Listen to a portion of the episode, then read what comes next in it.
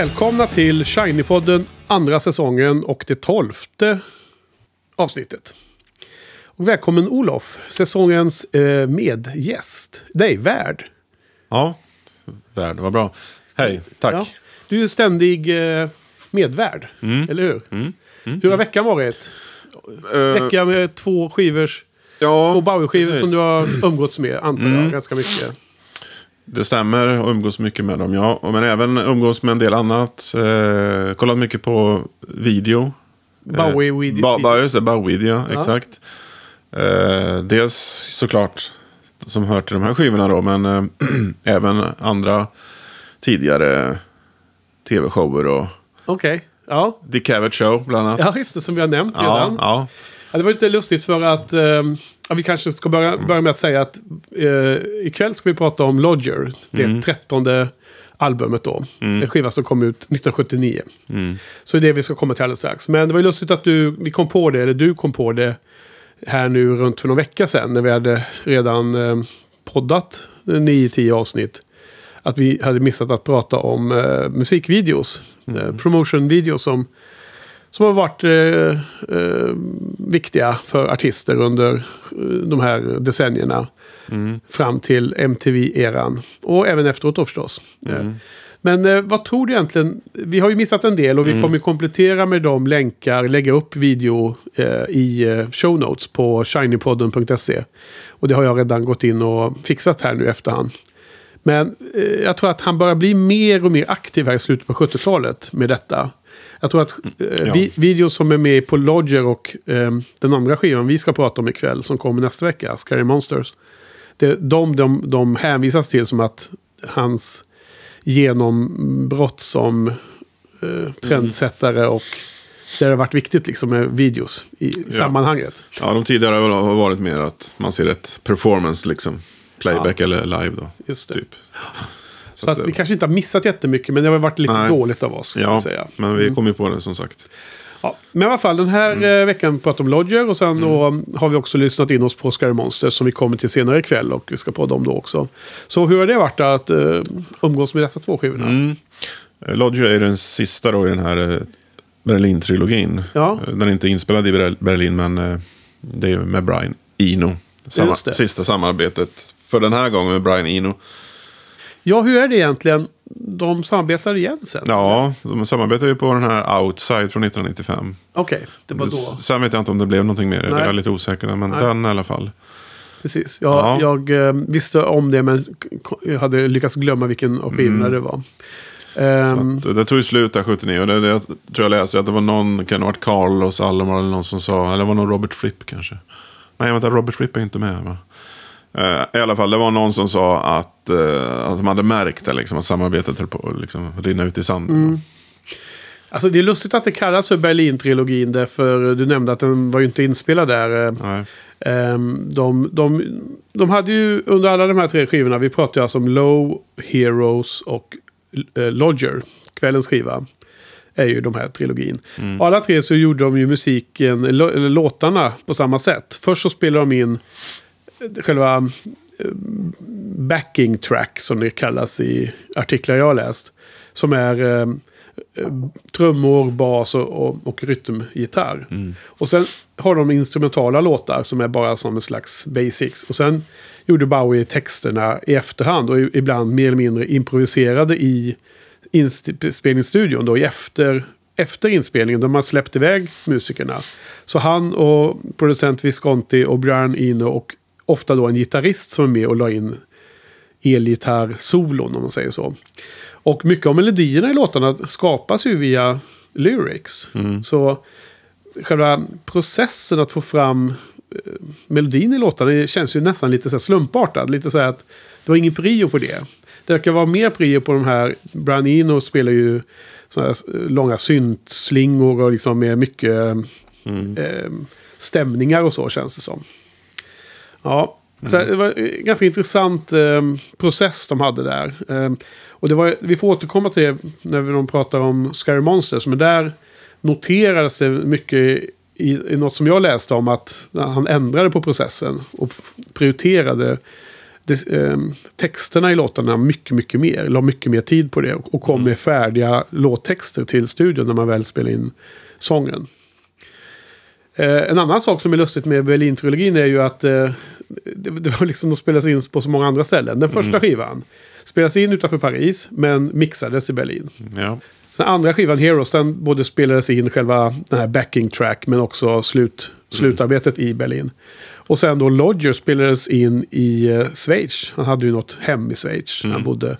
Och sen gjorde de klart den i New York. Ja. Eh, Så, så att, men jag tror att det är liksom de, de tre skivorna där Brian Eno var med och, och, och gav den här synt, synthesize, eh, musikbilden är det som blev Berlin-trilogin. Men även är det ju så att jag tycker Lodger står ju ut lite. Den är ju väldigt mycket annorlunda än Low och Heroes tycker jag. Ja, hur skulle... Även om det har liksom skett en gradvis förskjutning från Low Ja. via Heroes till Lodger. hur, Där har vi inga instrumentala Nej, det har vi inte. längre. Och eh, hur skulle du beskriva förändringen av hur musiken är på skivorna? Ja, på den här så har han ju något inslag av det som brukar kallas för världsmusik tror jag. Jag vet inte riktigt vad definitionen är. Men Ja, eh, lite mer eh, afrikanska tongångar på Just vissa det. låtarna. ja precis. Eh, återkommande med det här turkiska intresset som man hade i den här... Vilken var det då? Det var någon av... av Neukölln var det väl på Heroes som, som beskrevs handla om den Ja, turkiska Ja, flicken i Berlin. Precis, och det har vi här också på Lodger. Ja, Ehm, alltså det, det är lite kortare låtar Ja. och alla har sång. alla har. Liksom, ja. I någon mening känns de som, som eh, mer standardmässiga Mm. poplåtar. Fast de är ju helt galna. Så att det är ju långt ifrån standard om vi Mm. pratar om här. Ehm, jag har också, men det här med, läste du något mer om det där att det kändes som att samarbetet började knaka i fogarna? Var det liksom, var de oense eller bråkades det, Nej, eller? jag tror inte det var så. Utan det var mer eh, att, att, att, att eh, om det nu var Adrian Blue kan det ha varit som, som sa det. Ehm, nej, men att det liksom, ja, det märks det var inte någon gnista på den kvar. På Ja. Lite grann så. Ja. Eh, vi pratade om de här och jag klippte in också länkar eh, till de här Oblique Techniques som Brian Eno ville att de skulle Mm. dra slumpmässiga kort. Där det stod en uppmaning på någon form av tricks de skulle ha för sig. här. Här, var det tydligen gick det nästan överstyr förstod jag det som när jag läste på något ställe att Alltså de, de, de fuckade med, med bandet. Liksom de, i, I den här låten Boys Keep Swinging så var det tydligen känt att där krävde de att alla skulle byta instrument med varandra. Så typ eh, Carlos Alomar spelade trummor och basist, eh, trummisen fick spela bas. Men det var så dåligt så att Visconti fick spela om basen. Han fick smyga ner precis som Paul McCartney där och spela in. Nej, jag var rättas. Ja. Ja, men, så att de liksom ville provocera fram fel i, i själva inspelningssituationen för att liksom skapa det, det skulle hitta skapande i den här osäkerheten och i den här liksom processen skulle leda till de här fantastiska eh, upptäckterna via liksom det oplanerade och så vidare får jag en känsla av. Och det är klart att man kanske kan ta en sån sak en viss bit men sen, sen blir ju det också gammalt till slut va? Så är det. Ja. Ehm, Ja. Yes. Jo, men jag, jag tänkte säga något mer där. Att, eh, just det här med eh, gradvisa övergången här. Han, det verkar som att han under, i alla fall under Scary Monsters vill bli mer kommersiell. Då, att, Ja, att, att han liksom...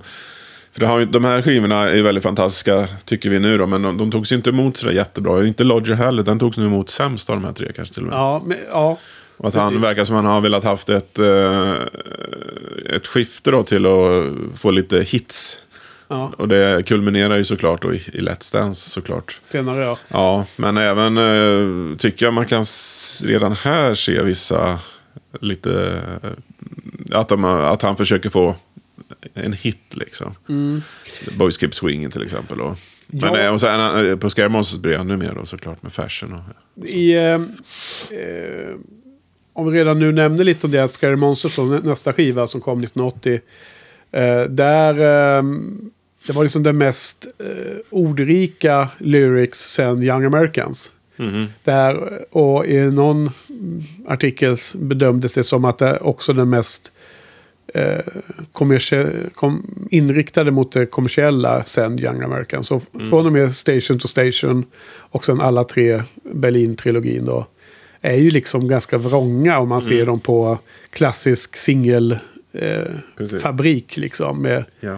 gitarrbaserad pop från, eh, från SIG-eran och sånt.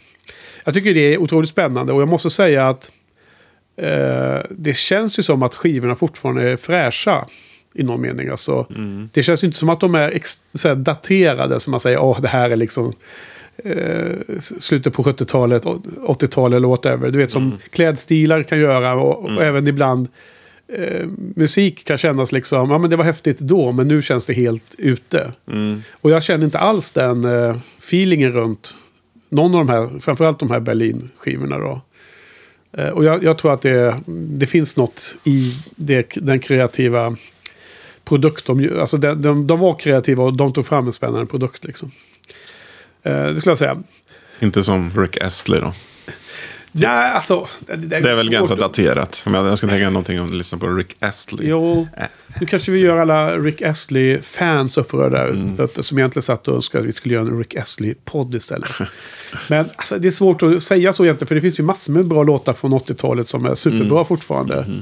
Eh, Men, men eh, det, det har varit lite tråkigt att känna att, att skivorna hade känts Mm. väldigt fräscha då, men inte nu längre. Nu tror jag nästan att de var...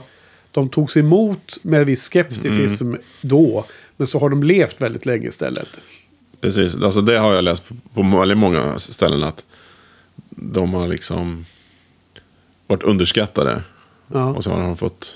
Och till, sen var det till och med någon kritiker som hade skrivit det. Ja, den här, den här skivan kommer omvärderas ja. om ett antal år. Alltså redan då ja, när den jag kommer inte släpptes. ihåg, det var inte den här tror jag. Utan det kan ha varit Low eller Hero. Ja. Men det är det var någon insikt. framsynt, insiktsfull Ja, det är kul. kritiker där. Kul att höra Mm. sådana grejer. Ehm, men det är också kul att se liksom, en del har ju verkligen klankat ner på skivorna och vissa har ju höjt dem. Mm. Så de hade ju en, alla de här tre, om man generaliserar, en spridning verkar det som. Även om de ja, kommersiellt inte slog så jättemycket va. Men det var väl lite varierande där. I England slog de lite bättre va? Ja. Generellt sett tror jag. Har du koll på hur Lodger gjorde? Eh, på, ja, Lodger kom på fjärde plats i UK. ja, United Kingdom för de som inte vet vad det betyder. Och i US, USA, 20 plats. Så det är alltid sä- sämre i, i USA tror jag. ja. Jag, vet inte, jag vet inte om det finns något exempel. Nej, Young Americans, var den bättre i USA? Någon kanske? Den, den slog ju mycket där, men jag, jag kommer inte ihåg hur den, vad den gjorde i England heller. Du, du har ju blivit eh, poddens eh, inofficiella sån här... Eh, som har koll på the charts här. Du, Ja. du kollar det varje vecka. Så det är Ja. helt, Ja, men det helt o, oöverenskommet så har det blivit så. Så det är Ja. Eh, däremot singlarna har ju ofta eh, gått ganska dåligt för dem tycker jag. Ja. Skivorna har ju ofta kommit så här, etta, tvåa, trea och så vidare. Eh, Top 10 i alla fall i UK. Men singlarna är det ju mycket sämre med. Nu har jag ingen information om det just nu då. Nej, Eh, eftersom, alltså- jag visste, eftersom jag inte riktigt visste att jag skulle utnämnas till expert på det området. Men... Nej, men det, det, du måste vara expert på det området. Ja, okej. Ja. Eh, men låt oss eh, spekulera lite, fundera lite. Jag menar, det känns som, ja, men du och jag har ju varit aktiva skivsamlare när vinylerna var som hetast. Mm. Fortfarande, innan CD tog över och numera är det ju bara nedladdning.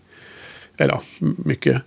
Uh, jo, men jag tänker tillbaka att LP-skivor, var det inte liksom artistens fans som köpte LP-skivorna? Man levde ganska mycket på vad man gjort under hela sin karriär. För det kom en ny Bowie-skiva, då ville liksom Bowie-fansen ha den. Medan singlarna konkurrerar väl mer mot dagsländor med en- enskilda låtar. Många så här one-hit wonders som man skulle då slå ut.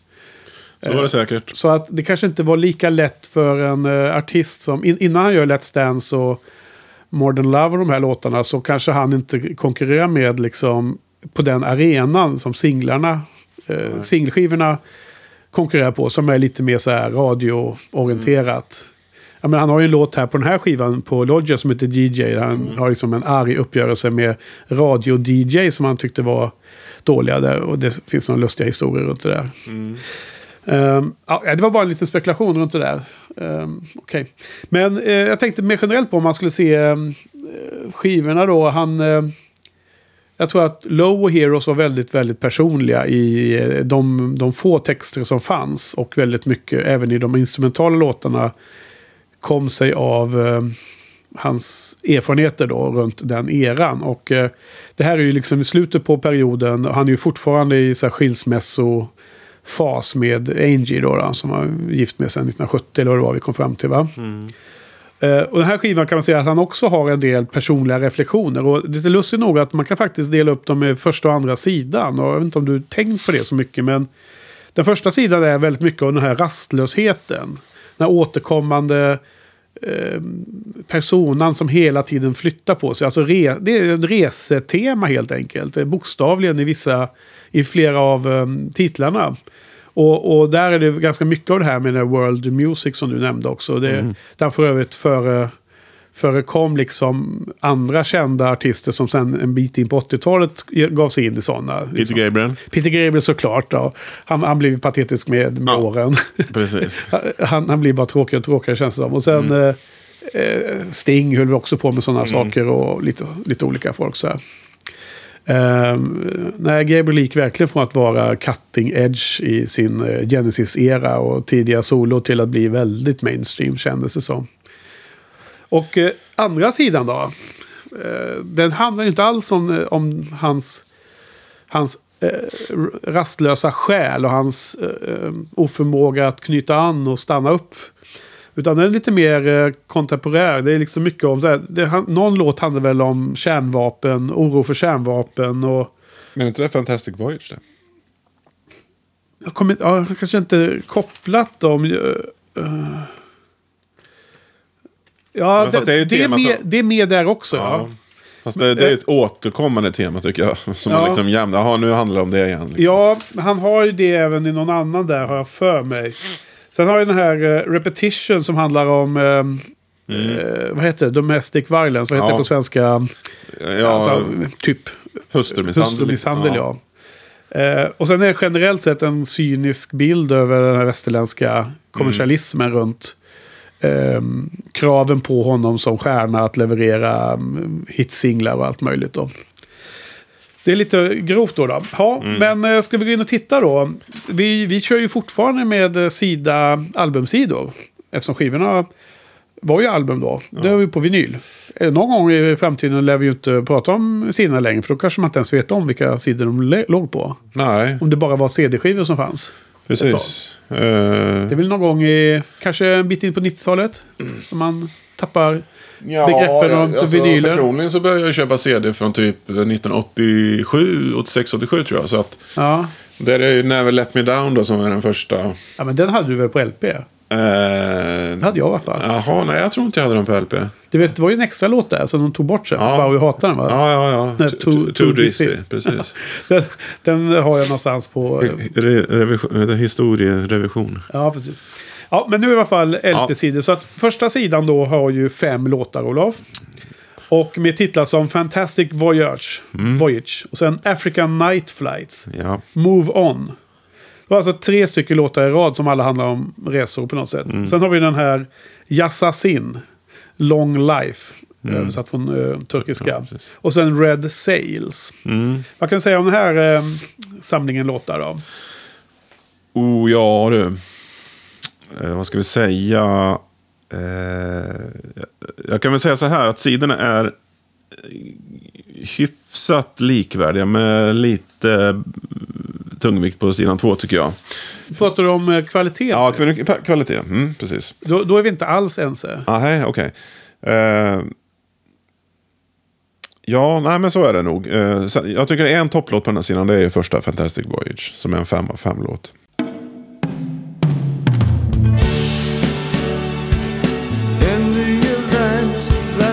fantastic voyage should turn to erosion and we never get old, remember it's true. Dignity is valuable, but our lives are valuable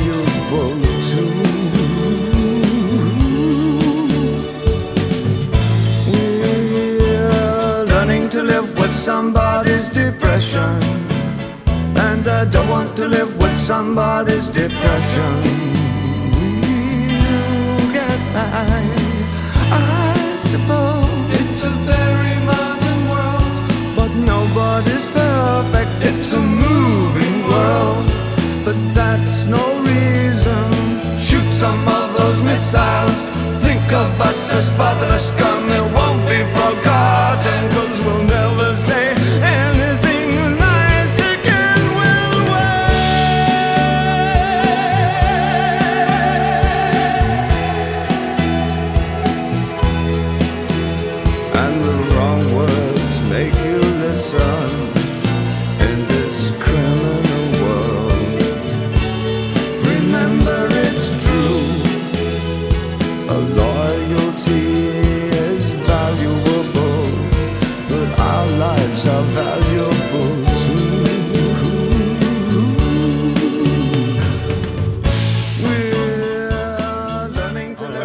Sugen här. Fantastic Voyage, han sjunger jättebra. Härlig. Jag tycker den är helt okej den låten, men det är inte någon 5 av 5 för mig. Och, och det där han nämner det här med uh, Missiles då va? Det är någon anti... Det är någon processsång, antikrig va? Ja, det är min tolkning också. Men eh, det var ju väldigt överraskande att den var så, du var så het på den. Mm. Nej, men det, det- är en, en sån här låt som har växt eh, liksom, under årens lopp. Okej. Jag tyckte inte den var så jättebra. Jag tyckte inte Lodger var så jättebra jag lyssnade på det första gången. Ja, just det. Men, men eh, nu, har, ja, det har ju svängt sedan länge. Men Ja. att den är mycket bra. Men om vi ska eh, väldigt kort bara repetera. Mm. Hur var inställningen, hur var förväntningen inför den här veckan? Det har vi glömt att Ja, vi glömt. sammanfatta. Mm. Jag kan börja. Jag var ju ganska skeptisk. Jag har aldrig riktigt varit stor fan av Lodger. Mm. Inte ens alltså. Absolut inte i början när jag började lyssna på Bowie i början på 80-talet. Men inte heller efter ett tag då. då Mm. I den förr i tiden om man kallar det så. Eh, sen var jag då väldigt nyfiken på hur den här genomlyssningen nu då. När man kanske ändrat musiksmak lite i alla fall. Hur den skulle landa nu då. då. Så att eh, jag såg fram det med, med spänning. Och, Mm. Men du då? Ja, jag hade väldigt höga förhoppningar. Okej. Eh, ja, det var upp, väldigt uppskruvad nivå. Jag tänkte nu kommer tian igen, härligt. Ja, tredje tian. Tredje tian. Ja, Okej, vi, så vi får se om det blir det är så. ganska, ganska stor skillnad på våra förväntningar då. Okej, nej, men så att första låten, jag håller med om att den är, eh, eh, den är eh, okej. Eller, jag- eller jag håller inte riktigt med, jag säger att den är okej. säger jag. Mm. Den andra däremot, som du var inne på lite snabbt, där, var, alltså, den är ju jättekonstig. Den är ju super... Ja, den är inte njutbar direkt. Det är ju eh, konstig sång och den är... Eller, konstig. Alltså det här känns som att det är lite ett finger åt fansen. Liksom, kom inte att förvänta er en mel melo bra melodi här nu av mig. Utan nu, nu ger jag lite vad jag känner för. Ja, Alltså- nej, jag tycker det är den sämsta låten på hela skivan.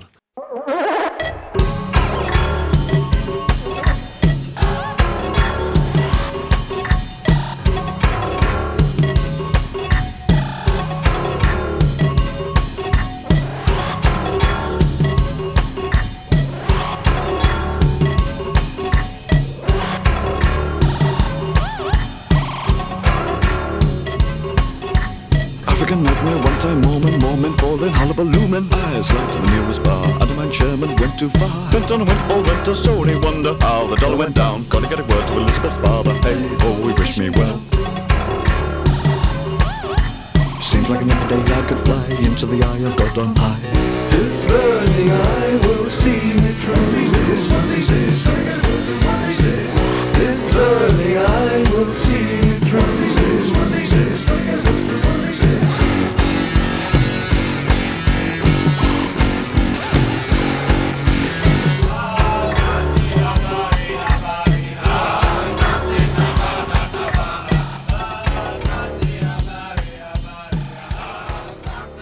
Ja, alltså, han, Om man nu ska prata om dåliga låtar. ja precis. Jag, jag tycker också det här är den sämsta låten på skivan. Och, eh, jag kan bara undra varför han väljer en sån här låt. För nu har jag för mig att extra-låten här på Ryko-disken är väl inte så jättebra. I Pray Ole. Ja. Nej, Så den, är, den var kanske inte ett hett alternativ att byta in. Men det, det finns ju, man läser hela tiden om massor med outgivna låtar som kommer i olika mm. sessions. Så det måste funnits något. Eh, han blev tydligen influerad av det här. Eh, han var på safari i Kenya i någon form av semester innan Lodger drog igång. Och jag tror det heter de Masai-folket eller vad de heter där nere. Som han blev in, influerad av. Och eh, det här finns det mycket world music in, i den också. Vi, vi måste be, be klipparen att klippa in lite av den här. Är, eh, finns det någon definition på world music? Alltid, world music, jag har alltid irriterat mig så på den benämningen.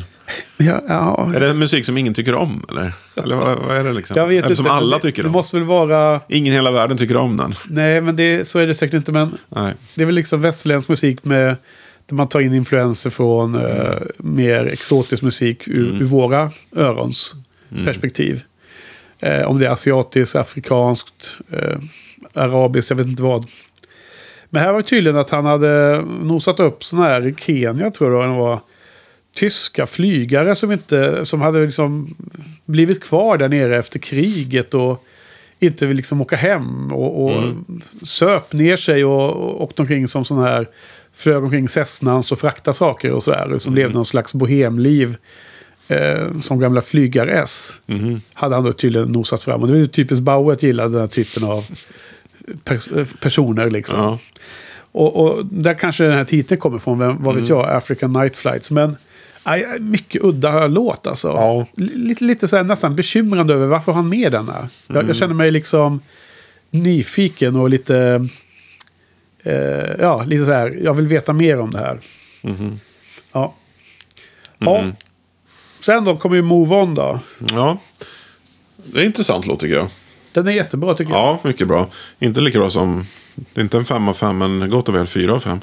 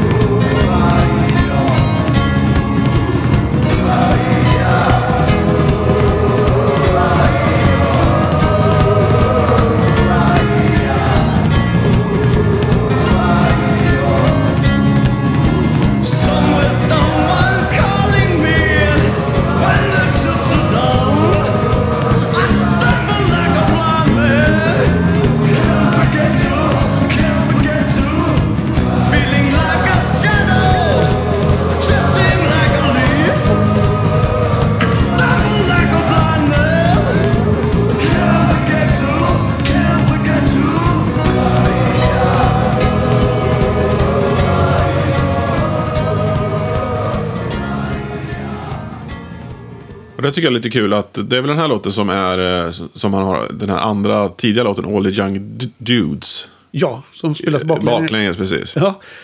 Va, va, vad har hänt där egentligen? Jag vet inte, det här måste ha... Det, ja, ja. Jag läste någonstans att han fipplar runt med sina gamla kassetter och sen så hade han någon maskin man kan spela det baklänges. och så tyckte han det här lät ju skönt. Mm. Och då blev det den här låten, eller? Ja.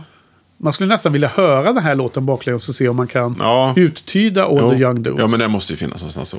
Någon har gjort detta Måste man kunna ladda ner den någonstans. Det har jag, den där har jag hört. Jag har inte gjort det själv, men... Men ofta när man läser så här att det här baklänges låter som, så lyssnar man på det och då, då hör man inte någon lik. Ja, men jag tycker nästan man alls. hör, det, man hör det när det är baklänges att det är den låten. Liksom. Okej, så du kan, du kan konfirmera att det verkligen låter så? Man kan också. liksom ställa om hjärnan och i baklänges-mode och så hör man att det är den. Nu måste du dra den här anekdoten. Hur är det med Paul Stead nu då? Ja, just det. Ja, men där var det också en massa hints som, de, som, Beatlarna la in, som Beatles la in i sina låtar och baklänges. Och, Alltså, du menar, om man spelar Beatles-låtarna Ja, baklänges, ja, så ska man då höra. kan man hitta ledtrådar ja, bland till annat. att... Ja, bland annat så säger de ju Paul is dead, we miss him. Alltså det här är, jag säger inte att det är så, jag säger bara vad den här myten går Mm. ut på. Och så är det mer I buried Paul, eh, säger han också. Ja. Eh, fast egentligen säger han cranberry sauce, men han, det låter som I buried Paul. Alltså, det är flera frågor här. Mm. Dels var det att om... Om man, han skulle ha dött någon gång tidigt va? 64 1966, i en 66. trafikolycka. En trafikolycka. Och, He, he den, blew his mind out in a car. ja, och den olyckan kan man också höra va? Baklänges. Ja, det hör man ju i Revolution number 9 då. En brinnande bilar och Alltså så. åt rätt håll eller fel håll? Nej, det är nog rätt håll tror jag. Okej. Så man var där med, med inspelningsapparaturen precis när olyckan skedde då? Eller? Ja, ja, precis. Nej, men inte så, men det, det ska Symbolisera. symbolisera såklart. Men andra frågan då, som var den egentliga eh, frågan är. Hur, hur kan man göra... Hur kan man lägga in så att det baklänges låter som en textrad? Hur, hur konstruerar man det egentligen? Eller liksom spelar man in det rätt och sen spelar man upp det baklänges då när man sen gör låten? Eller Gör man så här re... Går man Fast i det här fallet med Move On är det väl bara musiken va? Ja. Ja, ja, okej. Ja, Jag vet, jag, jag vet inte om jag riktigt förstod vad du sa men... Nej, men liksom, du säger att det låter på ett visst sätt om man spelar tejpen baklänges. Mm. Hur har man gjort det? Hur har man skapat det att en mu- musikstycke och med text och sånt Ja, ja. som spelas som spelas in åt rätt håll. Om man då spelar det baklänges så blir det en ny text. Hur gör man Ja, det? Ja. ja, det vet jag inte. Nej, det var det jag undrade. Mm. Okej, så, så Paul är död alltså. Det var det. Ja, Och det, det beviset är ju också omslaget på Abbey Road. ja va? där är de tunga bevisen. Bland annat så går han ju barfota i sandaler, vilket är ett tydligt tecken på att man är död. Då. Ja. Och det är pro- processionen då i hans begravning där. Ja, Ja. Eh, Lennon är vitklädd. ja Prästen. prästen. Ringo är svartklädd, sörjande. Paul utan Ba, barfota. där. barfota död.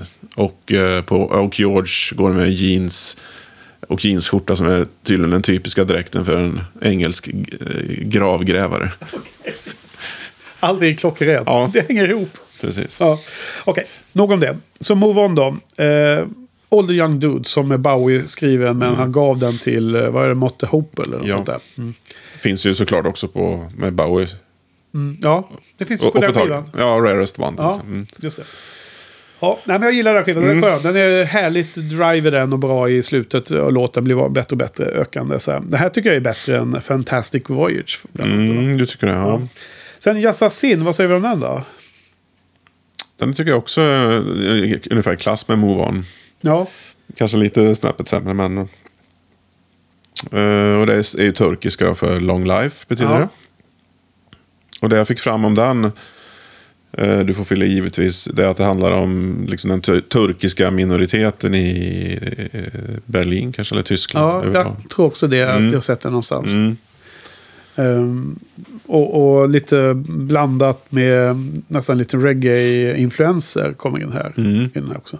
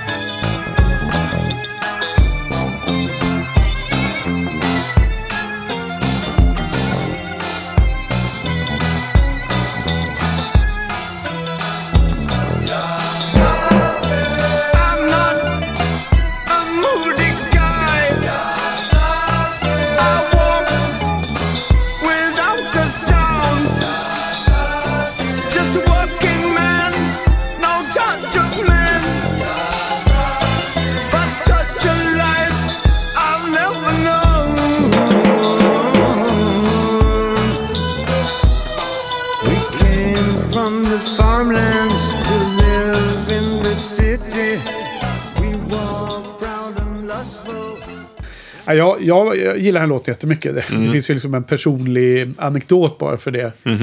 eh, Som har gjort att jag gillar den här låten. Ja, men, eh, när jag växte upp på, på somrarna på västkusten så kappseglade jag ju var ofta med i en, en, eh, något som heter Marstrandsregattan som var fyra dagar. Eh, tävlingar varje dag och så slog man ihop poängen och sådana saker. Så det var en big deal där på somrarna. Och en sommar så skulle den båten jag var med och seglade på inte vara med av olika skäl. Och då blev jag liksom utanför, kom liksom inte med någonstans. Men, men eh, åkte, åkte in till Marstrand på vinst och förlust med kompisarna som, som seglar på andra båtar. Och Eh, kunde sen ha- hoppa på en, en, en båt från något, eh, någon, någon man ner från Göteborg och hans fru. Och de hade liksom, deras vanliga gast, gastar dök inte upp eller hade fått förhinder. Så jag kunde vara liksom ersättare där. Så det var en perfekt ma- match. Så jag hoppade in och var, och var med och seglade under den kappseglingen med dem. Och det var otroligt trevligt. Och eh, deras båt hette ju Yassassin. Eh, och det var från Bowie- Bowie-skivan. och liksom vi, den, vi spelade den hela tiden. För det var liksom signaturmelodin då. För de tyckte det var coolt mm, låtnamn. Och eh, dessutom bra. Översättningen är också bra med namn på en båt. Liksom. Men det här var, var det här innan du- du började tycka om Nej, Bowie. det här var ju när jag seglade kölbåt. Och det var väl i början på 80-talet någon gång. Eh, för, mellan, jag skulle gissa att det var runt 83 snåret. Mhm. runt den eran. Så Yassassin var alltid en liten eh, favorit på grund av helt andra skäl än Aha. Bara lyssna rakt upp och ner. Så det, jag tycker den är ju första sidans eh, bästa låt. Mm. Eh, Red Sails var inget bra, tycker jag. Nej, Sista låten. sådär. Jag tycker heller inte den är något sådär superfantastisk. Spelades live sen 83 tror jag, så du måste ha hört den i Göteborg skulle jag tro. Ja, Ja, jo men så är det. det var ju två konserter i Göteborg. Ja. Spelade han samma setlist? Jag, har, Ja, jag kommer var inte ihåg om jag var där på... om det var lördag nej, och söndag. Jag tror det var samma, samma setlist faktiskt de två dagarna. Och jag minns mina kassetter rätt. kommer tyvärr inte ihåg vilken av de två jag var på. Tyvärr, det borde man veta om. Eh, här stod det någonstans att den var inspirerad av det här tyska bandet Neu. N-E-U utropstecken. Det här bandet som har nämnts tidigare som influens inför Berlin-trilogin. Och jag har, har ingen musik av dem, så jag har inte liksom eh, lyssnat på dem någonting. Ända sedan jag läst om dem nu flera gånger. Och du har inte heller eh, hittat det, eller? Nej. Ja, jag vet inte. Men jag tycker den här låten var ganska svag i alla fall. Ja, eh, men första sidan, jag tycker, den, alltså jag, jag tycker andra sidan är klart bättre än första. Den är liksom eh, otroligt mycket bättre. Ja, Men, men du sa ju att du Ja. inte tyckte... lika. sa jag så? Du, du sa att de var ganska lika, men Ja. att, att den andra var lite bättre. Så. Ja, och den andra är bättre ja. Ja. ja just det. Så vi tycker lika så, men jag, jag tycker att det är en stor skillnad. Inte att de är nästan lika bra som, som jag fick känslan Nej, att jag det kanske får ta tillbaka, när jag läser, ser här nu att det är ju tre tunga låtar i början där. Mm. Ja. Och även sista låten väldigt bra. Alltså det, den här andra sidan har ju fem låtar också. Det är eh, en eh, singel, DJ första. Och sen har vi en låt som heter Look Back In Anger. Singel också. Också singel, just det. Ja. Och sen har vi då Boys Keep Swinging. Också singel. Repetition och tredje är Red Money. Ja, Så... Eh, femte Red Money. Mm. spännande. Ja, Eh, DJ där då.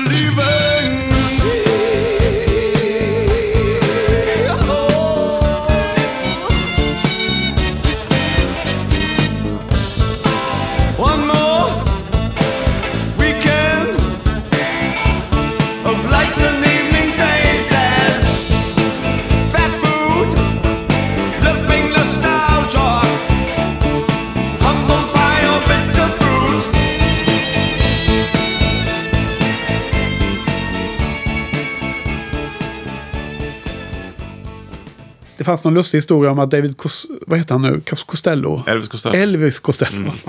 Fick jag därifrån. Eh, Elvis Costello eh, eh, hade någon beef med någon DJ. Och det var liksom en eh, värsta konflikt mellan dem. Och Bowie var lite på Costellos sida men inte lika Mm. utåtagerande här då. Men att den här eh, låten och texten skulle vara en, en eh, uppgörelse med kommersialismen och eh, DJs stora makt. Då, då. De kunde välja att spela eh, låtar på radion då, och liksom Mm. styra framgången för artisterna. Då.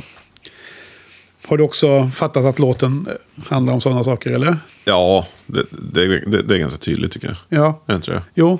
Mm. Men låten är väl okej, men den är inte superbra, eller? Jo, den är superbra. Ja, du gillar det? Ja, ja. fantastiskt. Fan vad lustigt, alltså. Du, det, det är något i den här eh, stilen som Lodger har som du gillar uppenbarligen. Mm. Eh, precis.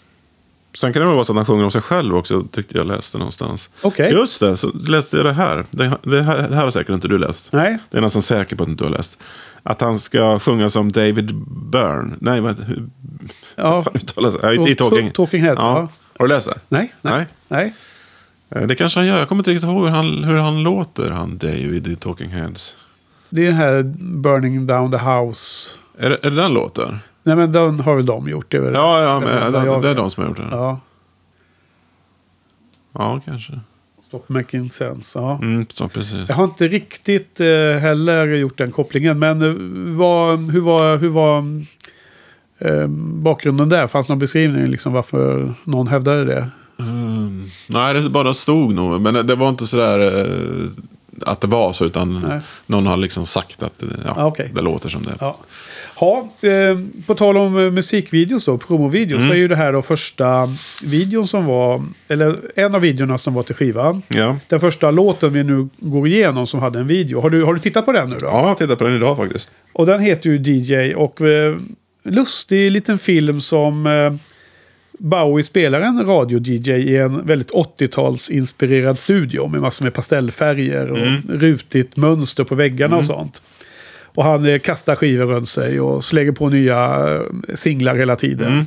Fipplar med dem där på, eh, på skivspelarna. Ja, Och sen så klipps det då till att han är ute och går där. på gatan ja. Var bland vanligt folk liksom. Och det kommer som en... eh, Folk liksom kränger och kysser honom och allt möjligt. Ja, liksom. både män och kvinnor dessutom. Lite eh, så här tvetydigt runt eh, eh, liksom han, hans, eh, vad heter det?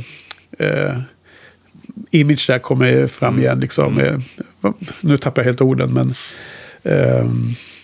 det är någon man som är framme där och Ja. kysser honom. Ja, ja, ja. Eh, Ja, det- är ganska roligt. vad, vad, vad tycker du om videon generellt sett? Ja, men det, det är kul när han är ute och går på gatan tycker jag. Ja. Det är liksom... Är det den bästa? Den var inspelad i London tror jag. Ja, ja. Ja. Sen har han ju, i- ibland sätter han på sig en gasmask i flera scener också. Det undrar jag, vad, vad, betyder det? Han har på sig gasmask. och Någon, Fråga mig inte Nej. av, av tolkning av de här sakerna. nej, nej. Alltså, jag också måste- lustigt. Jag gillar liksom gasmaskar ser udda ut tycker jag. Ja, men han, han, eh, det är väl den här videon när han... Helt plötsligt klipper de in så är han inne på någon toalett och så kastar han saker och gör sönder något mot någon vägg och sådär. Ja, kanske. Jag kommer inte ihåg. Det är lätt att blanda ihop kanske, men jag, jag tror det var här då. då. Ja, jag, jag blir lite bara... Jag blir lite så här... eh, jag får en vibb av den här... Har du sett den här filmen Almost famous från år 2000? Nej. Eh, Cameron Crowes till stor del självbiografiska film om en ung kille som åker med på någon rockbandsturné för att skriva en artikel för Rolling Stone. Mhm. Eh, och där finns det ju en, eh, en karaktär som heter Lester Banks som är som är sån här tv... Eh, vad säger musikkritiker som fanns i verkligheten och som i filmen spelas av Philip Seymour Hoffman. Karaktärs skådespelaren du vet som tyvärr dog för några år sedan. Han fick någon överdos. eh, Eller tog. Nej, men han, han, eh, det fanns vissa scener där med Lester Banks som en sån här arg musikkritiker i en radiostudio där han håller på att kasta skivor runt sig som jag direkt tänkte på när jag såg Bowies DJ här. Eh, Kanske halvlång sök, eh, sökt eh, referens men jag, jag fick den, den uh, vibben i huvudet i alla fall. Jag kan säga vilken, jag fick också en vibb här Ja. när jag såg videon. Ja, Och det är just när han går på gatan ja, till eh, Paul McCartneys video från eh, Press från 1986. Där han är ute och åker tunnelbana i London. ja okej. Också en ganska lustig, För det har jag rolig inte video. alls sett. Är det, Nej. är det liksom, är det folk som blir överraskade på riktigt? Ja, ja, När de ser ja precis, precis. Och så, ja. Ja. Det är lite roligt just den interaktionen. Sånt Ja. skulle jag väldigt svårt, ja, i dagens samhälle liksom vet jag inte om det, Ja. folk, om rockartister skulle våga göra sådana här grejer. Vad heter det? eh, I den här videon med Bowie så är det ju alltid stageat, det ser man ju. Så det är inte några folk Alltså, som blir överraskade, eller vad tror du? nej, jag tolkar det inte så. Ja, Okej, det måste man nog kolla upp. Men det, det känns som att det här har de gjort ordning för videoinspelningen. Att den här personen klänger på honom där? Ja, ja. Jaha. Nej, så tolkar inte jag det. Ah, Okej, så du, du ser det som att det här är Ja, är det så, publik, då är det inte alls lika roligt längre. publiksamling som eh, får syn på Bowie Ja, och ett, eh, Jag tycker sånt här är skitkul film, jag. filmteam. Liksom. Se hur folk, de reagerar. Men Ja, eh, nu vet, visste jag att han skulle bli filmad så då reagerar han ju såklart inte som han skulle gjort i, Nej. I verkligheten. Absolut, jag håller med om att det är jättekul att se Mm. sådana saker. Men jag, jag, har, jag såg aldrig den här videon som att det var en sån grej. Jag, jag kan tänka mig om setupen är... Paul, nu har jag inte sett Paul McCartneys video, men om man, om man ser att han går dit och sätter sig och bara väntar in. Och att Mm. de, de klipper det på ett sätt så att man leds in att förstå Mm. hur setupen är. Så är det kanske lite, mer, eh, lite bättre gjort, liksom, så man förstår exakt. Mm. Sen kan, det, sen kan man ju alltid vara sån här cyniker och misstänka att det är stageat ändå. Då, och så, Mm. men så, så får man inte tänka alltid, för det blir så tråkigt då. Ja. Nej, men jag, jag tycker den här låten är helt okej. Du, Mm. du gillar den skarpt. ja. Mm. Jag hoppas att eh, eh, klipparen får, får med lite från låten då. då. ja. Mm. Är det någon speciell del som du vill höra? Eller? Nej, Nej. de första 20 Allt minuterna. lika. Ja, allt är lika bra. Ja, precis lika bra. Sen kommer ju då eh, andra låten, Mm. Look Back in Anger. Skivans bästa låt skulle jag säga. Ja, Eller? Det är det nog. Ja, Mm. tycker jag i alla fall. Mm. Eh, otroligt bra låt som är, finns live, väldigt bra. Mm. Flera liveversioner finns. Spelade den 83. Eh, sen kom en ny version 1988. Jaha. Eh, spelades in. Men någon sån här dansgrupp, vad heter de nu då? La La La Human Steps va? Det hette dansgruppen. Och de spelade in den låten ny då 1988. Jaha. Alltså det För ett finns, ju, performance liksom. för det finns ju en Look Back in Anger New Version recorded 88, 88 på den här Ja, men på det är den. Det är den. Men det här är väl Bowie som sjunger här ändå? Jo, jo, men han, han hade liksom ett performance då med den här dansgruppen Ja, ah, på du scen. menar okej att, att han hade dansare med sig? Ja, han hade dansat, just men det var liksom en dansgrupp. Bowie, Bowie som sjunger? Jo, men inte, det är inte Bowie som har hyrt in ett gäng dansare liksom. Nej. Från den lokala uthyrningsfirman, utan det är liksom en grupp som heter Okej. Ju- La La La Human Steps. Okej. Lite fånig titel på gruppen, men det, det är inte jag som har... Det är de själva som har valt det namnet givetvis. Fast det är lite ditt fel också. Ja, ja. Mm, eftersom jag nämner det nu. Ja. Ja, men absolut. Den är med live flera gånger. Sen även senare också. eh, Ja. 95 som jag lyssnar på idag till exempel. Och sen jag tror även som senare. Jag gjorde ganska många turnéer. 95, 97, 99, 2000, 2002, 2003, 2004. Ja. Eh, ja, Den, må- den spelas ofta. många turnéer. mm. Alltså för den, den har ju liksom en aggressivitet i själva grundtonen så det passar perfekt Mm. för live-settingen. Och så fränetiska trummor och Mm. Carlos Alomar kör något gitarrsolo här på skivan. Mm. Eh, det handlar ju om hans egen... Eh, det är någon, eh, han sjunger om en trött ängel och, och han, han sjunger om sin egen dödlighet helt enkelt. Som han tyvärr då blev besannad till slut. Ja. I i hans fall då. Videon är lite mer av det konstnärliga slaget. Om man säger Ja. att DJ var kanske mer en ganska Mm. lattjo liten video som var lite på gränsen till fånig i stora delar. Så är ju det här eh, en video. Och, och förresten ska jag bara påminna alla. Gå in på shinypodden.se och klicka fram till avsnittet. Så har vi lagt in, eh, embeddat in de här videosarna i show notes. Så man bara kan klicka direkt och, och se. Och den här Look Back in Anger är ju, eh, han spelar eh, som en konstnär som håller på att studera ett porträtt, självporträtt kanske. Och sen ser man hur han blir sjuk och föråldrad. Han får någon slags, vi- via, eh, heter det, de har gjort någon mask på honom där. Han, liksom, ena halvan av ansiktet får någon sjukdom. Liksom. Mm. Jag har svårt att beskriva det. Han blir gammal liksom. Ja, men mycket Jag skrev att han målade sig själv. Han målade sig, smetade färg i ansiktet, men det kanske jag missuppfattat. Ja, men som jag tolkar det så är det som att han blir... Jag, jag kommer inte ihåg om han smet... Ser man att han smetar färg? Nej, jag är inte säker på det. Nu, Utan- när, utan- du, när, jag- när du vill hävda det här. Det är liksom mer som en specialeffekt via, Mm. via mask. Liksom, eller att de har sminkat honom som att han ser sjukare och sjukare. Och det sprider sig. Liksom. Det är som Mm. att han fått en kallbrand i ögat liksom, och går utåt Mm. ungefär. Jaha, kallbrand i ögat. liksom- Ja. Kallbrand i ögat. Ja, det det, det är normalt. Ja. Eh, nej, men det, det, ser- det, är, det är mycket mer högre artistiska ambitioner den här Absolut. videon. Mycket, mycket högre. Och, och den är helt okej Mm. alltså. Jag vet inte vilken man skulle föredra men DJ-videon är ju roligare. I alla fall. Ja. Ja. Ha, vad säger du? Du har någon mer funderingar ser det ut som? Eh, nej, det tror jag inte jag har om den här låten faktiskt.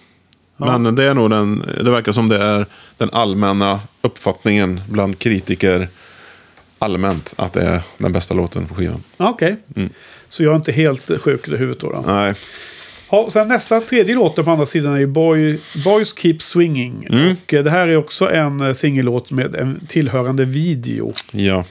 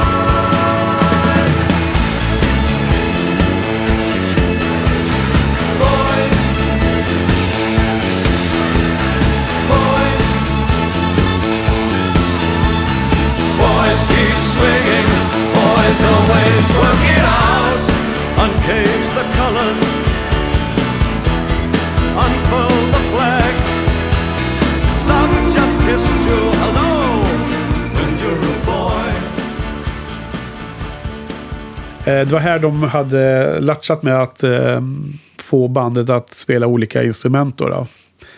Eh, ja, Som jag nämnde tidigare. just det. Jag bytte. Ja, och Bowie sjunger också med en väldigt eh, djupare röst. Mer som, jag vet inte om det är bas eller vad det blir. Om man är expert på s- olika sånglägen. Men det jämförs lite med att han liksom mm, på något sätt nästan sjöng lite mer som Elvis. Åt det hållet. Och det här är någonting som jag tycker han har fortsatt med sen ganska lång bit in. I, på kommande skivor så han sjunger ju helt annorlunda än den här ljusa rösten som han hade i början på 70-talet. Mm, som, som vi nämnde då. Ja, Det har han redan gjort sedan ett bra tag tillbaka. Men här blir det liksom ännu mer att han förstärker det där. Eh, så, men det gillar vi ju. Ja, absolut. Jag tycker han sjunger bättre då. För att det, jag, jag tror jag har sagt det förut. Det är någon av mina bekanta som har sagt att de gillar inte de- Bowies röst. Jag vet inte om det är den här ljusa de inte gillar. Kan vara. Ja, Jag hörde lite på den här eh, skivan Hours idag. Mm. Eh, en av de kommande studioalbumen vi ska prata om som är från 90-talet någon gång. Mm. Och där sjunger han med den här ljusa igen. Det var liksom mycket mer tillbaks till eh, tidigt 70-tal. ja, Det var inte lika bra som när han sjunger som bäst tycker jag. nej, nej. Eh, ja, men det här låter väl nästan mest, allra mest intressant att prata om vi- videon. Mm. Och, och på tal om komplexa, komplex sexualitet och annat då. då. Han, eh, han, Boys Keep Swinging är ju liksom en performance-video. Man får se honom på scen.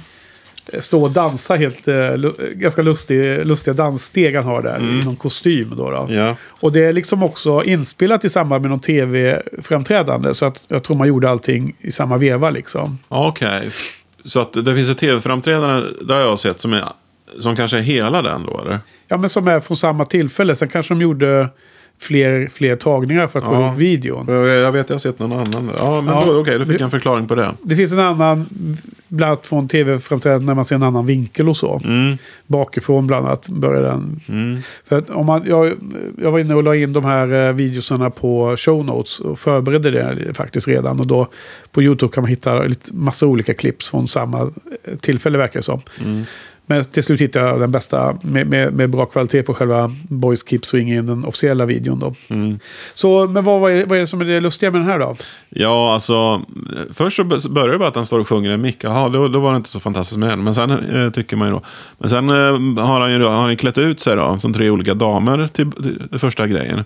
Så att, ja, han är, ja det är ju fejkat. Men det, det är Bowie i tre olika Ja. kvinnogestalter. Det är liksom Så- kör, det är som Ja, som körtjejer. är, ja, precis. precis. Som står på sidan som klipps ganska snabbt Mm, till mm.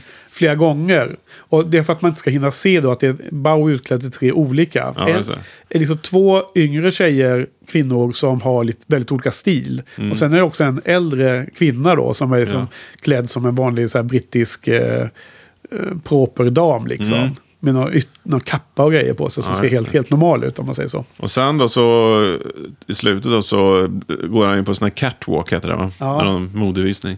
Och då är han också olika damer. Nej men det är ju det är samma som kommer ut. Ja, är, är det en. Jag tänkte fråga, är det samma alltså? Ja, det måste det ju vara. Det har jag inte dubbelkollat. Men det, Ja, det måste ju nästan utgår vara. jag från Ja. de här tre kommer en och en ut på... Men det är ju en äldre, hon som Hon har någon sist, grå dräkt. Ja, ser väldigt ju. så här, proper ut. Eh, Hon är alltså med i början också? Ja, det är ja, men det måste ju vara så såklart. Och så går de ut, en går ju ut och slänger av sig peruken och eh, liksom tar bort läppstiftet då. Med en rörelse som återkommer i andra videos sen också. ja, Man tar hand, baksidan av handen och liksom slätar, Smet- smetar ja, ut. Smetar ut. Jag vet inte vad det ska stå för men. Det verkar vara en väldigt... eh, Det är återkommande och det, Mm. det skrivs om det mycket. Så det är liksom en viktig, viktig grej han gör då. Mm. Precis. Eh, Och sen kommer ju andra tjejen ut och gör samma sak. Med peruken av ja, och sen läppstiftet med andra handen tror jag. ja okej. Om det nu har Men den äldre damen gör ju inte detta. Nej, precis. Den tredje kvinnan som kommer ut i Bowies skepnad, det är ju, hon, hon står ju bara och tittar på och så, här, så gör hon en liten Mm. Ja, lite sån här diskret hälsning. Och sen går hon bara. Så att det finns en, finns en liten gnutta humor där i också. Ja, ja, jag tycker det är helt jävla otroligt hur de har kommit på det här grejerna. Men den här eh, videon är roligast. Ja, absolut. Eh, just jag måste ju lyfta det här när han står och dansar i början. För att han har ju jäkla skön stil alltså. Det är lite samma dans som han eh, håller på med sen runt eh, 83-87 också ju. Han har ju sina moves liksom. Jag vet, du gillar ju Mick Jagger på scen också. Eh, Bowie är väl ingen... Eh, han slår väl inte Mick Jagger, men han är ju också bra alltså. Eller vad, vad, vad tycker du? Ja, jag sådana där movesen. Jag, jag såg ju massa videos här under veckan. Och då var det en väldigt tidig från 60-talet. Då hade han också ungefär samma. Ja, Så den, han, han la sig till med de där tidigt. ja men det är väl hans naturliga moves antar jag. Även om han liksom Ja. överdrev dem sen på något vis. Eller Ja. utvecklar dem. Ja. Så vilka är de eh, topp fem bästa eh, performers då? Med dansmoves och grejer. Alltså eh, personer pratar om. Ja, alla. Jaha. Eh, ja, du har ju... Etta, Elvis. Ja, Elvis har du ju såklart. Elvis the Pelvis. Men han, ja, det är ändå lite sådär old school på något vis. Nej, men en Mick Jagger är ju fantastisk givetvis. Ja, Eh, stor, stor mun. Ja, Vad hette han från Wales också? ja, ja, tjuren från Wales. Vad hette han? Tom, Tom, Tom Jones. Jones. han är, men han är väldigt så här tillbakadragen och liksom väldigt distinkta, eller inte distinkta utan eh, diskreta rörelser. Men Ja. ändå väldigt lätt Ja. igenkännlig. Okej, så han kanske inte är med. Elvis och eh, Mick Jagger. Mm. Du, du var ju het på Queen där och Freddie Mercury. Ja, men han... Är han Jo, men han, han, Inte han jobb, med- jobbar mycket med micken. ja, jo, men, men han är med och- lite sådana bombastiska rörelser. Ja, Liksom. men det är mycket grimaser Mm. och sådana här eh, påser. Liksom. Ja, just det. Påsar, precis. Ja, det är ganska kul. Det Gillar jag. Och sen, eh, jag tycker Bowie konkurrerar om att vara någonstans där Mm. uppe. Han är jäkligt rolig att se i, i in action. Ja, okej. Mm. Ja. Vi, vi får fundera på den. Yes. Eh, vad som kommer med, sen är det liksom, ja, sen så blir det lite tråkigare avslutning på den här skivan. Det känns inte som att han har fokuserat här ända in i mål. Alltså. Nähä. Den här eh, extremt repetitiva låten Repetition. Den är jäkligt bra. Tycker du det? Ja. Åh, vad Nej, konstigt. Alltså, Ja. Mm. Det är jättekul. Jag blir bara så förvånad faktiskt. Däremot gillar jag inte den sista, Red Money. Ja, det tycker jag är ganska bra. Det är ju en om, det är en om, det är den här låten Sister Midnight. Ja, just det. Vad är det för någon Som låt? jag inte gillar heller. Det är någon Iggy Pop-låt eller?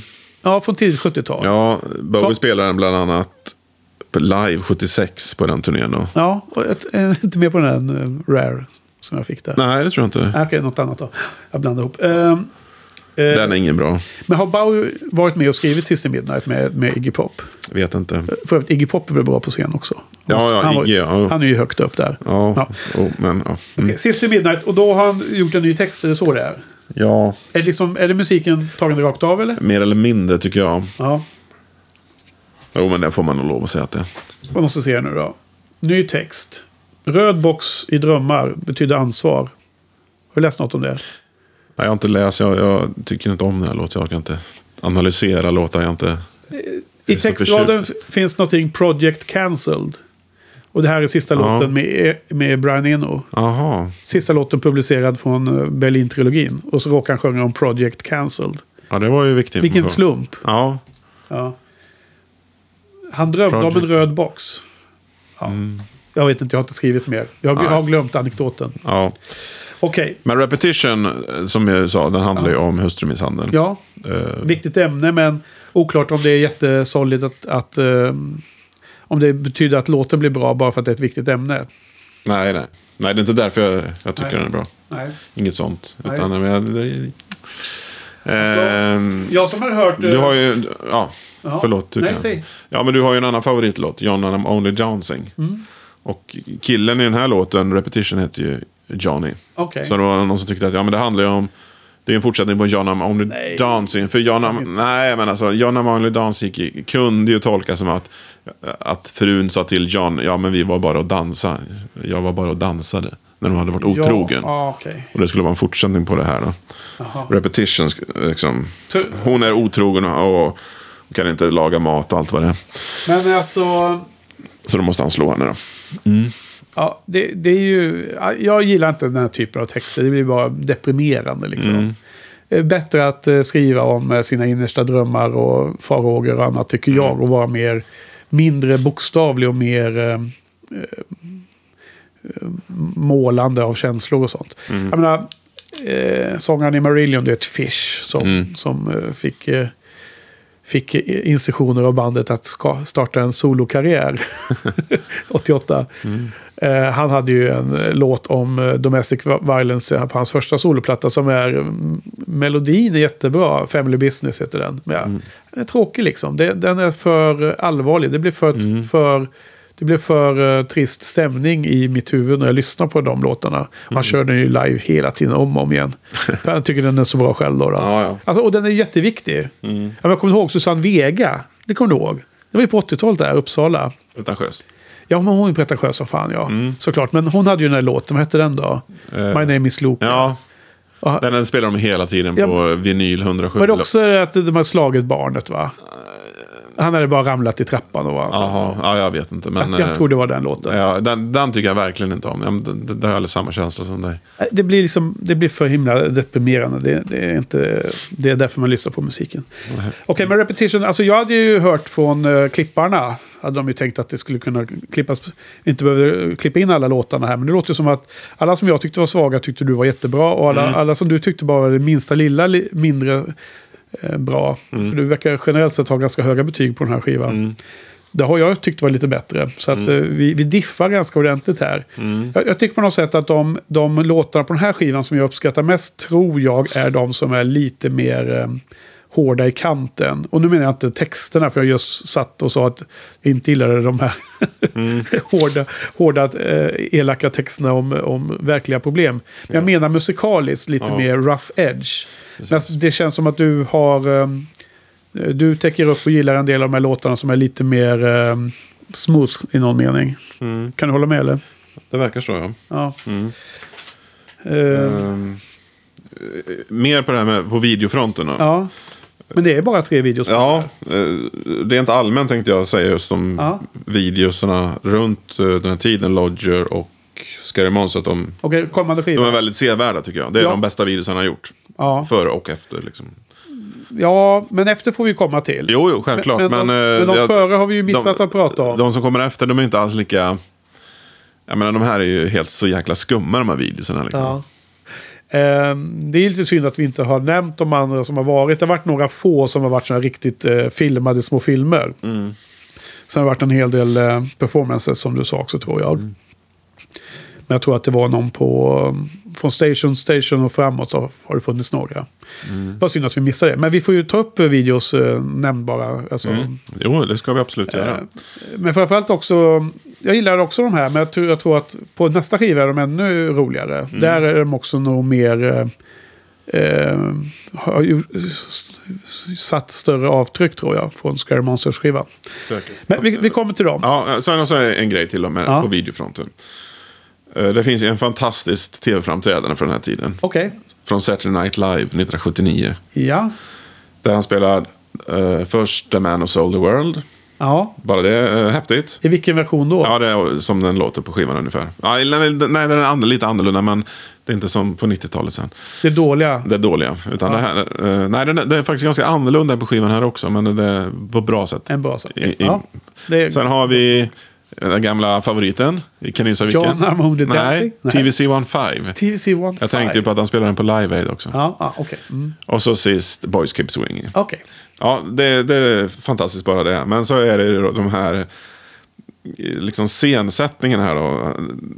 Han har ju med sig ett, eh, vad heter det nu, eh, drag. Dra- Dragartister, två Ja, stycken. Okej. Varav den ena dog i aidsen efter några år.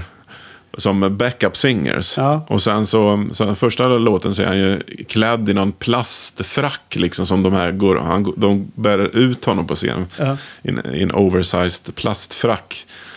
Eh, Det är den ena. Och sen eh, Boys Keep Swinging, där är han som en, liksom, en docka. Då, du vet, sån där med docka som man rör armarna med pinnar. Jag vet, jag vet inte vad det heter. Men... Eh, marionett. Marionett, precis. En marionett då med Bowies huvud. Oversized huvud då den, på den lilla marionetten. Okej. Och tydligen så, så har den här marionetten en, eh, ett könsorgan också som, som, som inte jag la märke till, men jag läste om det efteråt. För de hade censurerat viss text då, men de hade inte sett det här könsorganet som hängt, svängde fram och tillbaka. Okej. Alltså det här måste vi klippa in. Jag måste Ja, hitta det här och så på även YouTube. TVC 15 tror jag är... Jo men där är han i... Jo men där, jo, där har han ju som sån kvinnokläder på sig. typ den här gamla damen. Ja. Liknande dress. Någon sån här dress liksom. Ja. Nej, alltså, Nej, det är helt otroligt framträdande. jag, jag måste hitta, jag hoppas att det finns på YouTube. Och Mm. Ja, man det. hittar det mesta på YouTube, Ja. så det, jag hoppas att det är schysst kvalitet. Mm. Och då lägger vi in dem som eh, embedded, så då går man bara in på avsnittet på på hemsidan shinypodden.se och så går man in på rätt avsnitt och då, då ser man de här videorna. kan man klicka och titta på dem direkt in i, på, på den webbsidan. behöver man inte eh, öppna några nya sidor eller någonting. Så att eh, de här videorna är ju eh, ingen idé att klippa in musiken för att det här är ju roliga att se tillsammans. säger så. Och, alltså, det är ju eh, kul att se videorna för att låtarna växer ju lite. Alltså, dels får du ju en beskrivning av handlingen mycket mer påtagligt. Eh, men dels är det ju också liksom, på något sätt så adderar det till eh, upplevelsen av låten att få det här visuella tycker jag. Till ett visst del. Ja, just det.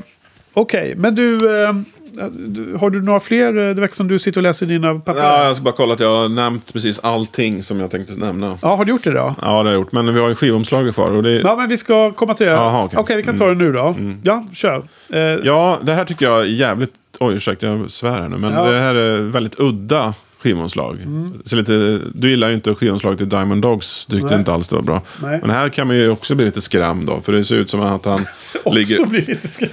Ja, Det ser ut som att han sitter på ett, eh, ligger på ett bårhus då för en trafikolycka eller något sånt Ja, där. jag blir väldigt helt, skrämd. Och ser helt absurd ut. Eh, Jag kommer ihåg det här. Jag, gill- jag började gilla Bowie 83. Nej, vänta nu. 85, förlåt. ja. Men det här skivomslaget kommer jag så väldigt tydligt ihåg. Jag var ju 12 år då. Jag var ju inte speciellt ung. Men... Eh, alltså jag var inte 5-6 år. Så jag kunde ju liksom... Jag insåg ju vad det var liksom. Men eh, jag kommer ihåg att jag, det satte djupa spår på något sätt. Att, När den här skivan kom ut, ja, ja, precis. innan du var Bowie-fan, Ja, så precis, det- la du märke till att den här Precis. skivan Det här såg var något, ut. alltså väldigt udda ut jag. Alltså, det är ju en fold-out och man ser ju Bowie i hel, eh, hela, hela kroppen utslängd på en... Ser ut som att det är på, inne på en publik toalett ungefär med någon sån här kakel. Mm. Så har de ju tejpat ansiktet Mm. så att eh, runt munnen och näsan och sånt är förvridet. Mm. En genomskinlig tejp tror jag de har använt för att, eller lim och sånt där för att hålla hans ansikte i en eh, Mm. liksom a- absurd eh, utseende. Och, och sen hade han ju en... Eh, hade han ju bandagerat sin hand för han hade skadat sig på riktigt. Det här är ju Mhm. inte gjort för plåtningen utan det var en riktig skada. Så han Mm. Men det tyckte han var lika bra att ha kvar. Det gjorde Mm. ingenting. Jag kommer inte ihåg vad han har gjort nu då. Han skurit sig eller något sånt där. Mm. Jag måste säga att jag tyckte att det här är, eh, det är mer intressant än uh, vackert. Eller, Mm. eh, Jo, men alltså, absolut. konstnärligt så tycker jag att den här är mer, det här får högre poäng än, än att njutbarheten av att se på det. Jo, men det här är typ ett av hans mest genomtänkta skivomslag tycker jag. Ja. Men du har ingen aning om vad, vad tankarna är? Nej, Du bara, ja, jag, du bara inser att det är genomtänkt? ja, precis. Jag förstår ju liksom. Ja. Och jag, har- jag minns ju, jag har undrat väldigt länge hur de fick till det med näsan. Men nu säger du ju, Är det här originalet eller? ja det är originalet. För det där kommer jag ihåg att jag har sett de där eh, bilderna på Just det, för jag kan säga det Men, eh, eh, direkt här att i den här boxen som jag har nämnt några gånger, New Career in a New Town, som täcker in åren 77 till 82, Så har vi då alltså Lodger i två versioner. Dels eh, en ny remaster på originalmixen. Som då gjordes i New York 79 innan släppet. Och det har vi inte heller nämnt, men det, man kan ju läsa om det att de var ganska slarviga i sitt eget arbete där. Så att både Visconti och Bowie hade ju varit liksom missnöjda med Lodger hela tiden. Så att när de började planera de här boxarna, för det här är den, den tredje boxen som kom ut då. Då så föreslog Visconti att de skulle mixa om Lodger just för den här boxen som, som vi nu har kommit fram till. Och sagt och gjort så har de gjort en, 2000, en mix 2017 då. då. Eller släppt 2017. Men det stod också Bowie hade liksom hört på den här och, och, och tyckte att det var bra och sådär. Innan han gick ju bort i januari 2016. Va? Så eh, när jag lyssnade först på den originalmixen i remastered version. Och det var ju okej och bra, allting lät okej. Och sen hörde jag på den här eh, nya mixen. I, ja, som är masterad och modernt. Och den är ju precis som, eh, vilken var den förra som vi lyssnade på? Station to Station va? Det här är mycket bättre tycker jag med den nya mixen. Ja, ungefär på samma sätt som Station to Station var bättre. Det är klarare.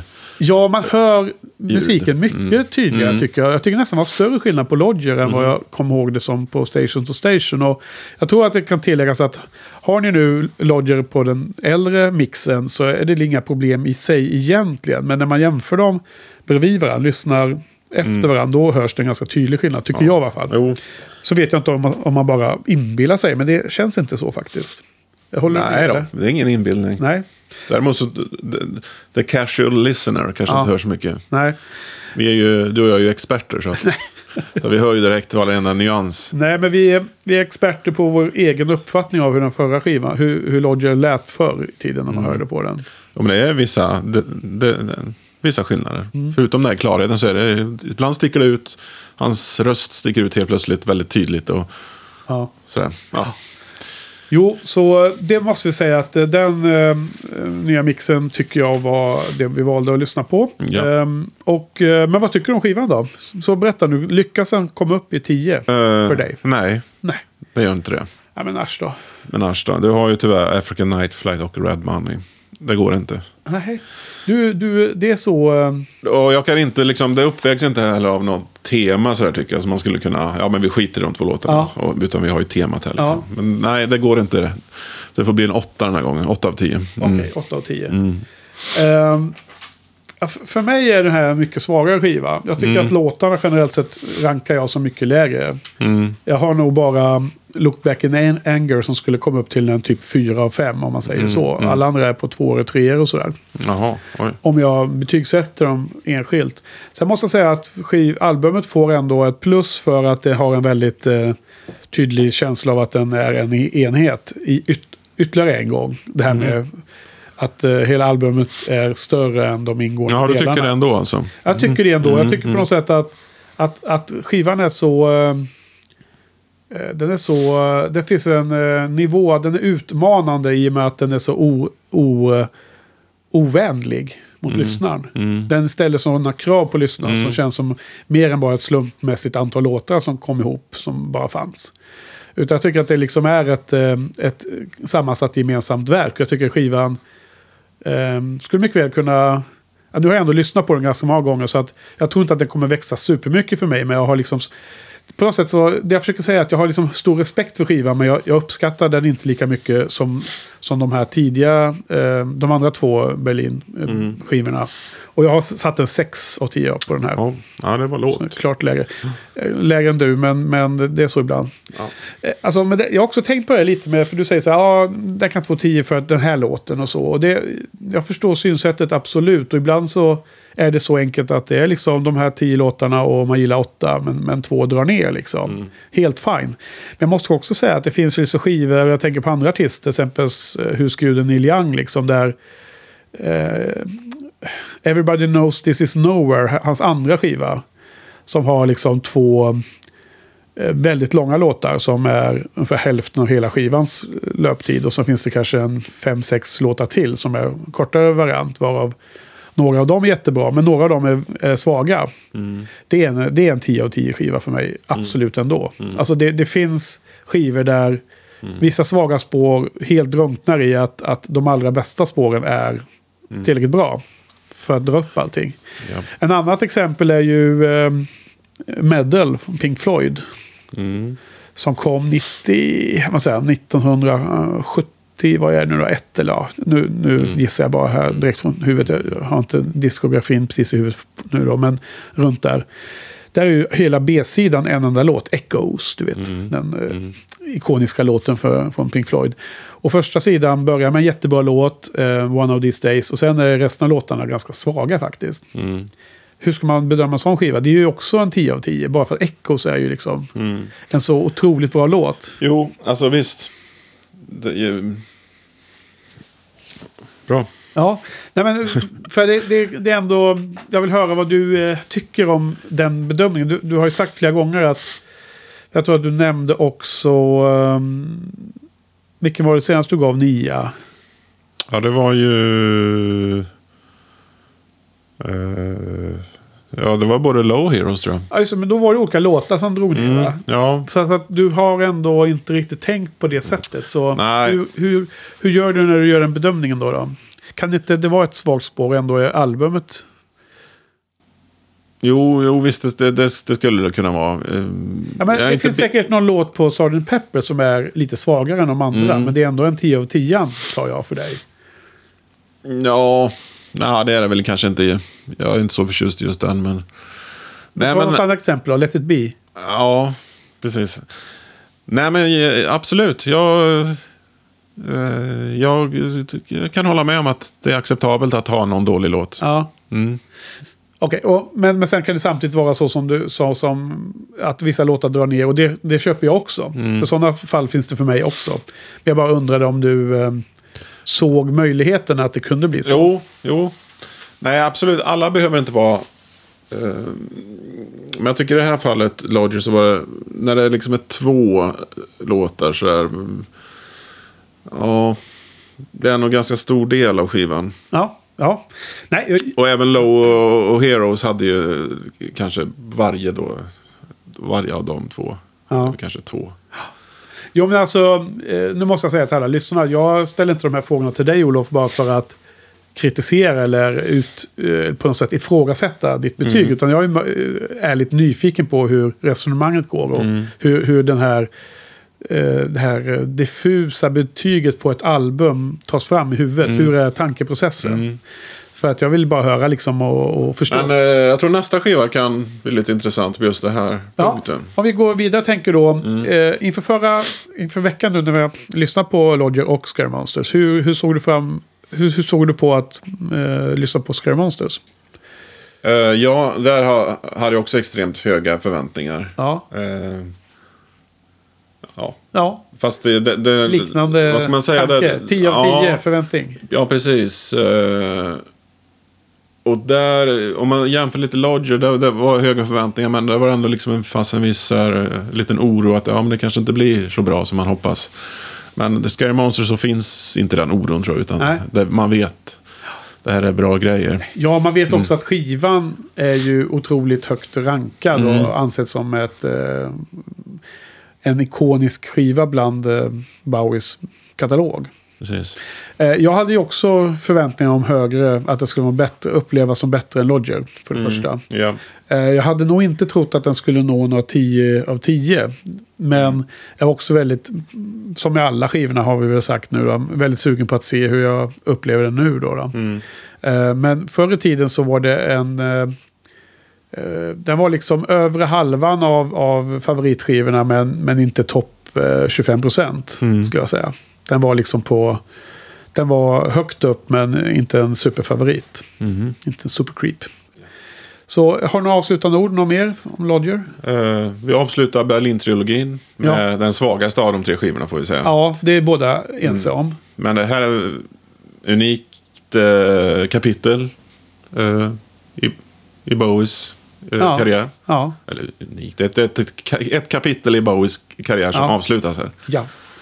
Absolut. Mm. Ja, men då får vi se. Eh, får vi ta oss an eh, nästa skiva, Scary Monsters, nästa vecka då. Så vi säger så. Tack Olof. Tack. Tack lyssnarna. Vi hörs.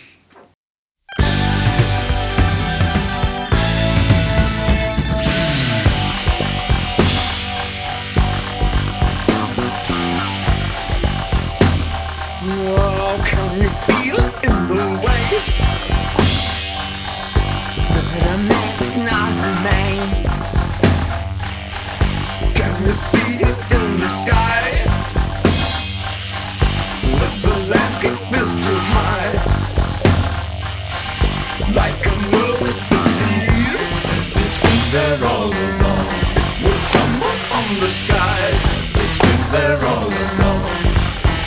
Project cancelled. Tumbling Central. Friends.